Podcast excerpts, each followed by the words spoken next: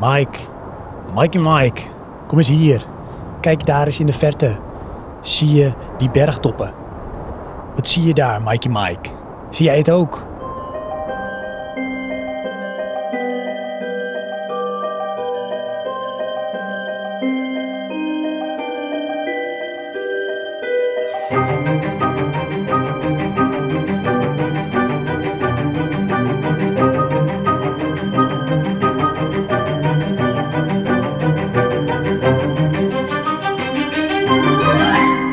The Power of the Dog. Ehm, ja, dit, dit is dus een Oscar-film. Hè? En, en daarin schuilt een risico. Want ehm, mensen die vinden zulke films al snel arty-farty en elitair. En toch, Mike, eh, moeten wij het even gaan hebben over The Power of the Dog. Want er is zoveel te ontdekken in deze nieuwste film van eh, Jane Campion. De film heeft ehm, twee BAFTA's eh, gewonnen, hè, de British Academy Film Award. En volgens mij ook één Oscar voor eh, beste regisseur voor eh, Jane Campion. En nog wat Golden Globe nominaties. Dus deze film heeft wel wat, wat prijzen in de wacht gesleept. Niet zoveel als dat hij gehyped is, want deze film is echt behoorlijk gehyped. Hij is ook volgens mij direct uitgekomen op Netflix. En ehm, ja, waar gaat deze film over? Ik zal het proberen te omschrijven en daarna gaan we het gewoon eens even lekker over hebben, Mike, want ik ben zo benieuwd wat jij hiervan vindt. Ja, Ehm, The Power of the Dog, dat is een western drama. Hij is gebaseerd op een gelijknamig boek van Thomas Savage, of Savage, ik weet niet hoe je het uitspreekt. En het verhaal draait eigenlijk om twee broers, eh, Phil en George, gespeeld door eh, Benedict Cumberbatch en Jesse Plemons. Eh, zij zijn twee rijke rangers in het Montana in de jaren twintig van de vorige eeuw. En het leven is simpel en hard op de range. Je hebt kale vlaktes met bergtoppen in de achtergrond en die domineren het landschap. Eh, verder staat daar niks, behalve dan die grote range en een hele hoop koeien. Maar eh, dan ligt de verandering op de loer, want eh, de wereld van toen, die zit in een enorme ontwikkeling met de industrialisatie, de opkomst van de automobiel. En Phil, gespeeld door Cumberbatch, ja, dat is echt zo'n ruwe, bolsterblanke pit. Echt zo'n macho cowboy. Ik weet dat jij daar een bepaalde mening of een beeld bij hebt. Daar gaan we het zo over hebben. Eh, maar Phil, eh, die houdt vast aan the old ways. En hij denkt, hij praat nog heel veel over zijn overleden mentor, Bronco Henry. En Phil is wat je noemt, ja, grof gebekt. Eh, Hij heeft weinig respect voor anderen en hij is het liefst gewoon bezig met zijn werk als cowboy. En dan heb je zijn broer, George. En die wordt gespeeld door Jesse Plemons. En die is juist veel meer sophisticated, ingetogen, meer een denker en zakenman. En in tegenstelling tot Phil kijkt George meer naar voren en hij omarmt de veranderende wereld. En dan zie je dat de relatie tussen die broers, hè, die blijkt na de dood van hun mentor, hè, in een enorm eh, ja, slechte vaarwater te zijn gekomen. En dan, op een goed moment, dan komt dus de weduwe Rose en haar zoon Pieter in beeld. En George en Rose die krijgen een relatie en niet veel later neemt Rose met haar zoon Peter hun intrede op de range. En eh, tot groot ongenoegen van Phil. En vanaf dat moment heeft Phil nog maar één doel. En dat is het leven van Rose en Peter zo zuur mogelijk te maken. En dat is de propositie van The Power of the Dog. Mike, ja. The Power of the Dog. Wat dacht jij nadat jij de aftiteling had gezien, als je dat hebt gered, van deze film? Nou, dat heb ik zeker, eh, dat heb ik zeker gered. Ik heb, hem, eh, ik heb hem uitgekeken. Het eerste dat ik dacht, het allereerste dat ik dacht toen de aftiteling eh, rolde, dat ik het een verrassend einde vond van een ongemakkelijke film. En Oh, daar ben ik heel nieuwsgierig. Want ik denk wel dat ik weet wat je bedoelt met ongemakkelijk. Nou, er zijn meerdere dingen die ongemakkelijk zijn. Kijk, ik, ik had in het begin een beetje moeite met deze film. En waarom? Ehm, ik had moeite met deze film omdat als ik een film kijk, vind ik het prettig als ik naar een verhaal kijk. Eh, dat, eh, bijna alle films hebben dat. Maar in deze film komt dat eigenlijk veel later pas waar het naartoe gaat. Waar je eigenlijk naar kijkt in het begin is gewoon het, een stuk uit het leven van twee broers. Dat is waar je naar kijkt. En dat daar op een gegeven moment dingen bij komen en dat het wel een richting op gaat, zeg maar. Dat al die factoren die je aan het begin ziet, eh, de, de koeien, eh, Bronco die overleden is, de twee broers en hoe zij zeg maar tot elkaar verhouden zijn en daarbij hun ouders en alles komt wel in een trechter en, en gaat wel richting een einde. Eh, wat ik dan verrassend vond, omdat ik dat nou, oké, op een gegeven moment wel een beetje zag aankomen. Maar toch had ik dat niet verwacht in een film zoals deze. In een rustige, best wel trage film. Die ondanks dat toch voorbij vloog voor mij. Ehm, is er toch, ja, waren er toch heel veel ongemakkelijke momenten. En dat moet ik echt wel toeschrijven aan het acteerwerk van, van Cumberbatch bijvoorbeeld. Uh, hij speelt echt heel erg goed in deze film. En je, je krijgt gewoon echt een hekel aan hem. Wat je zei, uh, ruwe bolster, blanke pit is precies wat ik, wat ik ook had staan in mijn, in mijn aantekeningen. Maar het is gewoon een botte, botte hork die mensen kwetst terwijl dat niet nodig is. En dat eigenlijk ja, mensen die dat ook helemaal niet verdienen. En vooral de interactie in het begin tussen, tussen Cumberbatch, zeg maar, tussen Phil uh, en Peter, de zoon van Rose, waar, uh, nou ja, waar zijn broer George dan mee gaat trouwen. Die interactie vond ik heel ongemakkelijk. Vond ik ongemakkelijk om naar te kijken. En, en ja, dat was eigenlijk iets waar ik steeds ongemakkelijker van werd. En ik, dat is niet zo dat ik mijn hoofd dan afwend of zo, maar die voelde je wel. Je voelde... Ja, dus dat, dat, dat, het, het triggerde wel iets bij je. Zeker wel. Ja, ja, ja, zeker wel. Dus ja, en, dat, en daar zaten best wel wat van die momenten in, zeg maar, die ongemakkelijk waren. En wat er gebeurt op een gegeven moment is dat die ongemakkelijke momenten wat minder worden. Alleen doordat ze in het begin van de film er heel veel zijn, vertrouwde ik eigenlijk het einde gewoon niet. Ik dacht van, oké, eh, dit voor mijn gevoel klopt dit niet wat hier gebeurt. Nou ja, dat blijkt aan het einde ook wel dat het misschien niet helemaal klopt waar je naar hebt zitten kijken of wat de, de, de regisseur jou voorschotelt. Maar ja, je vertrouwt het op een gegeven moment niet meer. Je denkt, veel kan niet ooit eens een keer aardig zijn tegen iemand. Dat kan die niet. Want zo is hij eigenlijk helemaal niet. Hij, hij wil geld verdienen. Hij wil stoer gevonden worden door de rest van de cowboys. Um, die, die voor ze werken. Uh, Indianen, dat is volk. Dat moet allemaal maar weg. En, en, en hij is de man, zeg maar. Op een gegeven moment vertrouwde ik hem, zeg maar, niet. Ik denk van, oké, wat hij nu aan het doen is... Ik heb niet het gevoel dat dit helemaal klopt. Dus ja, dat is eigenlijk wat ik allemaal had aan het einde toen de aftiteling draaide. Um, the Power of the Dog, dat is geen toegankelijk film. Zeker Het is geen fast-paced actiefilm. Het is geen luchtige romcom. dit is kunstzinnig, noem het artifarty, noem het cinema. Dus het risico is heel groot dat kijkers afhaken. Ja. Ik kan me voorstellen, deze film is, dat noemde ik in het begin al, is enorm gehyped door Netflix. Die is echt gewoon de wereld ingeslingerd van dit is de grote kansmaker bij de Oscars. Dit is de film van het jaar. Dit is de film van Jane Campion. Nou, dat bleek allemaal niet helemaal zo te zijn. Maar mensen gaan daardoor misschien wel getriggerd worden. Die zien de naam van Doctor Strange, hè, om het zo maar te zeggen. Die denken, ja. tof, die film ga je kijken. En ja, die gaan dan kijken en die haken af, de week zeker. Maar dat klinkt dan misschien heel cru voor die groep kijkers is deze film eigenlijk ook niet gemaakt.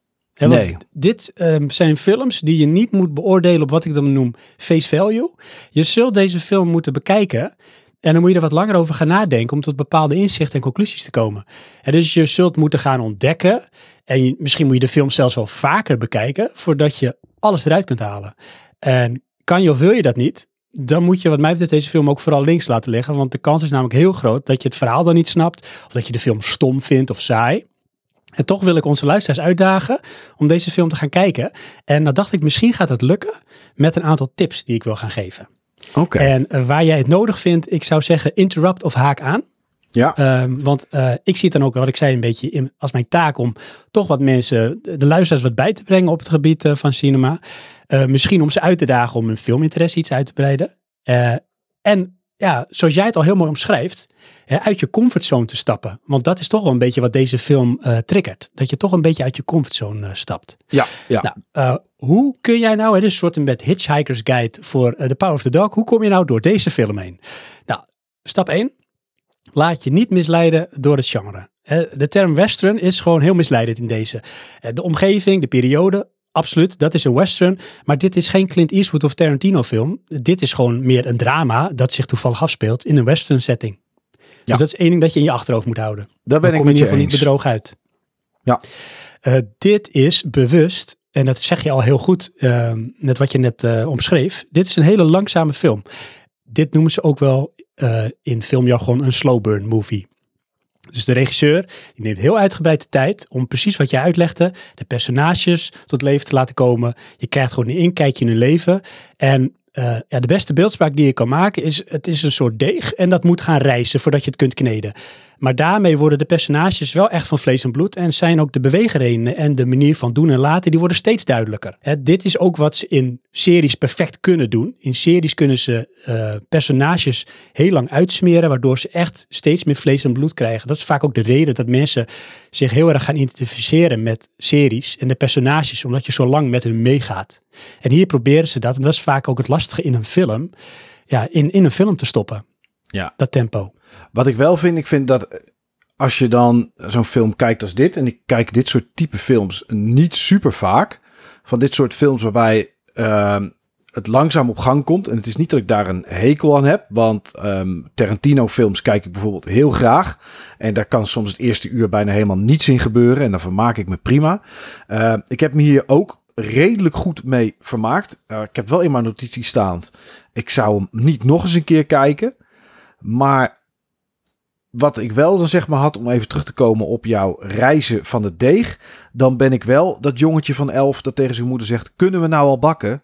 Kunnen we nou al? Is het al klaar? zeker, het, zeker. Het duurt heel lang voordat het ergens naartoe werkt. Ondanks dat de film maar iets van twee uur duurt. Is het wel iets wat, uh, wat, wat echt wel lang duurt. En wat je zegt klopt. Je moet daar wel het geduld voor willen hebben. Je moet daar echt de tijd voor nemen. Je moet niet. Ik denk dat je setting, mindsetting ook voordat je dit gaat kijken, zo moet zijn. Oké, ik heb vanavond voor de rest niks te doen. Ik hoef geen honden meer uit te laten. Ik heb geen druk. Er gaat niemand bellen. Ik ga zitten en ik ga het proberen. Ik denk dat dat wel je Precies, moet zijn. dat is het. Dat is de mindset. Je moet ervoor, ja, dat klinkt heel sneu, maar je moet ervoor openstaan. En dan moet je de film gaan ervaren zonder te oordelen. En als iets heel moeilijk is, zeker met dit soort films, want ik neem dan even mijn beste maat Johan in mijn achterhoofd, die zou van dit zeggen, wat een ontzettende kutfilm. Ja, en dat kan ik me heel goed voorstellen. Ja, en dan kom je er dus ook niet meer doorheen. En dat snap ik dus ook heel goed bij deze film. Dat dat, dat, dat de reactie kan zijn. Ja. Maar uh, ja, om onze luisteraars uh, niet voortijdig te laten afhaken, kan ik zonder te verklappen zeggen dat er dus een cruciale scène in de film is, waarbij Peter een ontdekking doet die te maken heeft met Phil. En vanaf dat moment komt de film in een stroomversnelling. En dat is het punt wat jij zegt van nou, kunnen we nou eindelijk gaan, uh, gaan kneden en kunnen we er wat van maken. Dat is dat moment. Zit je Ja. wel echt over de helft van de film. Dus hou dat in je achterhoofd.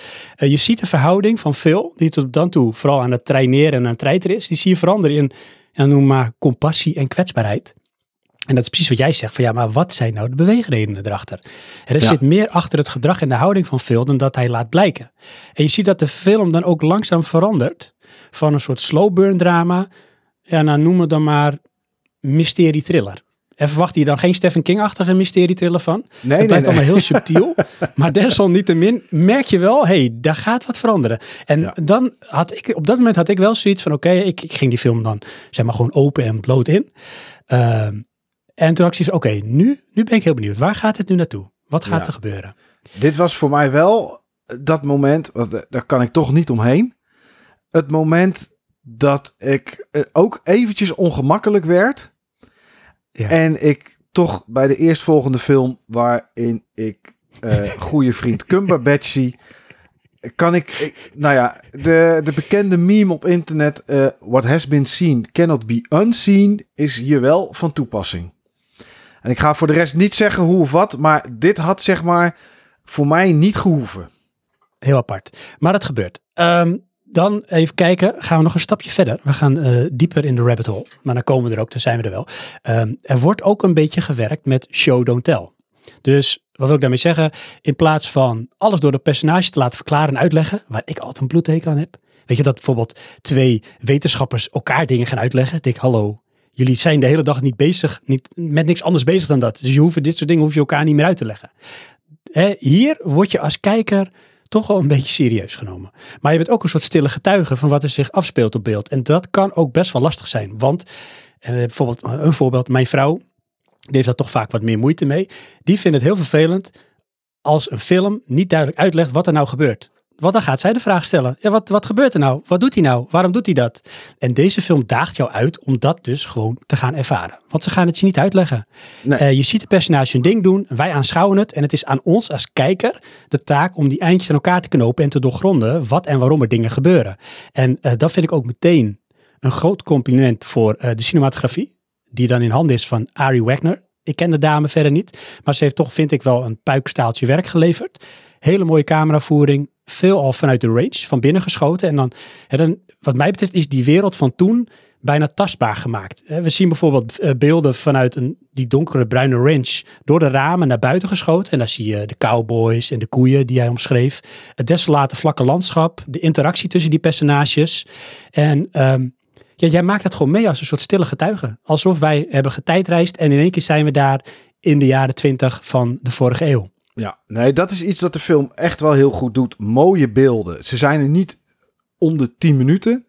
Maar als ze er zijn, er is op een gegeven moment een scène waar je gewoon een trein door een landschap ziet rijden. En toen zat ik echt zo te kijken van, oh wauw, dit zijn echt wel hele mooie beelden. En er zijn er meer van. Maar eh, ja, dit is, ja, dit is echt wel heel schitterend om te zien. Even terugkomen op wat jij zei met show and don't tell. Daar hadden ze voor mij wel 10 minuten eerder mee mogen beginnen. Van laat nou maar zien. Of eh, Nou, laat, Doe je dat? Nee, van laat sommige dingen maar niet zien. Ik had het wel door inmiddels. Oké, ja, dat, dat is ook wel zo. Ja, ik snap wel wat je bedoelt. Ja, ehm, dan ben ik ook benieuwd wat jij ervan vindt. Maar ehm, ik vond de dialogen bij Tijd en Wel echt gewoon raar. Theatraal. Hmm. Dat je denkt, zit ik nou naar theater te kijken of zo? Want zo praten mensen niet. Zo, zo, ook mensen, ik weet zeker in die eeuw, in die tijd, in die periode, echt niet op zo'n manier. Nee. Er wordt op een hele rare manier gewoon gereageerd op situaties. Maar ja, ik denk dan dat is misschien een beetje het handje van Jane Campion, die dat blijkbaar dan zo eh, wil vertalen. Het is wat dat betreft ook ondergeschikt aan de beelden. Hè, het is, die beelden die doen het gewoon het meeste werk. En de regie is dan wat mij betreft ook echt wel goed. Maar ik vond, wat dat betreft, ja, die dialogen, daar kon ik af en toe zelf gewoon geen chocola van maken. En dan denk ik van ja, zit je nou te kwebbelen joh? Waar gaat het over? Maar dan had ik bij nog één puntje. Ik ben het met, met je eens over die dialoog hoor. Af en toe dacht ik van nou, het zal wel. Ik, ik- heel vreemd. Ehm, een ander dingetje wat ik eh, minder vond is... Ik vond acteerwerk van... En het, ja, het is nou eenmaal zo. Van de mannen heel erg goed. Maar ik vond Kirsten Dunst... Vond ik niet overtuigend en goed acteren. Ik, ik, ik kon heel moeilijk naar haar kijken. Naar haar personage Rose. En ik weet niet waarom. Ik, het, zeker in het begin, zeg maar. Ze werkt in het begin in een, in een keuken van een, van, een, van een restaurant. Nou ja, van een restaurant, van een houten hut waar je iets kan eten. En ja, dat is Ja. het gewoon in die Het tijd. was toen heel luxe. Ja, precies. En ik vond haar niet overtuigend. Ik vond, ik weet niet waarom, maar ik, ik, ja, ik weet het niet. Ik voelde het niet, zeg maar, zoals, zoals Phil, Benedict Cumberbatch, zoals hij acteerde en George, Jesse Plemons, zoals die twee gasten acteerden. En je zet daarnaast Rose, die toch een van de drie hoofdrolspelers, zeg maar, wel soort van is, samen met Peter, met haar zoon, als vierde Ja. vond ik haar gewoon niet overtuigend. Ik weet het niet. Ik kon, het, het voelde heel onnatuurlijk. Terwijl het bij, bij, bij Cumberbatch en bij Plemons eh, en zelfs bij Peter voelde het wel natuurlijk. Maar bij haar niet. Ja. Ja, ik had hetzelfde hoor. Ik had met haar ook sowieso eigenlijk het minst en wat jij zegt ook misschien wel ja, zelfs wel de meeste moeite om er naar te kijken. Ehm, terwijl eh, zij is wel een heel belangrijk onderdeel van de film. Zeker, zij is de katalysator. Ja, nee, precies. En je ziet wel, en dat is, zij heeft wel echt zo'n zo'n hoofd van, hé, hou eens op. Eh, het is me allemaal te veel. Nou, dat gebeurt ook eigenlijk de hele film lang. En dat is misschien ook wel een beetje, ik had op een gegeven moment ook gewoon, ja, het is niet misschien afgerust, maar ik vond haar gewoon vervelend. Ja, ik had genoeg van haar op een gegeven moment. Dat, ja. Ja. De film had het dat betreft misschien ook wel anders kunnen eindigen. Maar dat ging niet Eh, gebeuren. Nee, dat ging niet gebeuren. Nee. Eh, nog kort even, Mike. Ehm, ik had het misschien nog niet genoemd, maar de film duurt twee uur en zes minuten. Hij is te zien op Netflix. De muziek is van Johnny Greenwood. Het is eh, hele subtiele klassieke muziek, wat wel eens aanswelt en zo. Ik vond het mooi. Ik vond het, het was niet storend aanwezig en dan is het vaak goed, als dat Ja. zo is. Past goed had ik staan. Geen hoogvlieger, maar het ondersteunde vooral de scènes. Dus wat dat betreft doet het precies wat het moet doen. dan heb ik een laatste dingetje en dat wil ik een soort running gag voor mijzelf maken richting jou, Mike. Ehm, elke film heeft een tagline. Tagline is iets wat een film probeert te omschrijven in hun volzin. Of het een beetje kracht bij te zetten. Uh, wat is, denk jij, de tagline van The Power of the Dog?